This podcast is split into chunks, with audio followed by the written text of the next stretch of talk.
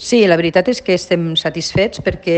ens ha tran tranquil·litzat, sobretot. Ara vas per les platges i veus que estan destrossades. Eh, no tenim pixabaques, l'estany tor, per exemple, moltes, inclús el, el GR també es veu molt afectat també hi haurà dos platges que, que talla el ger, com és eh, l'estany Tor i l'estany Podrit,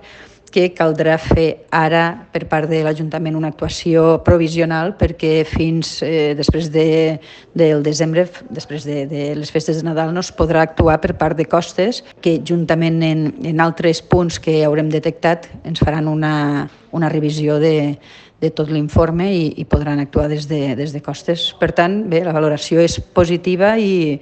hem quedat que cap a l'abril del 2024 se farà una valoració de l'estat eh, de llavors de, de les platges i en base a com quedaran les platges pues, se farà l'actuació de reposició de,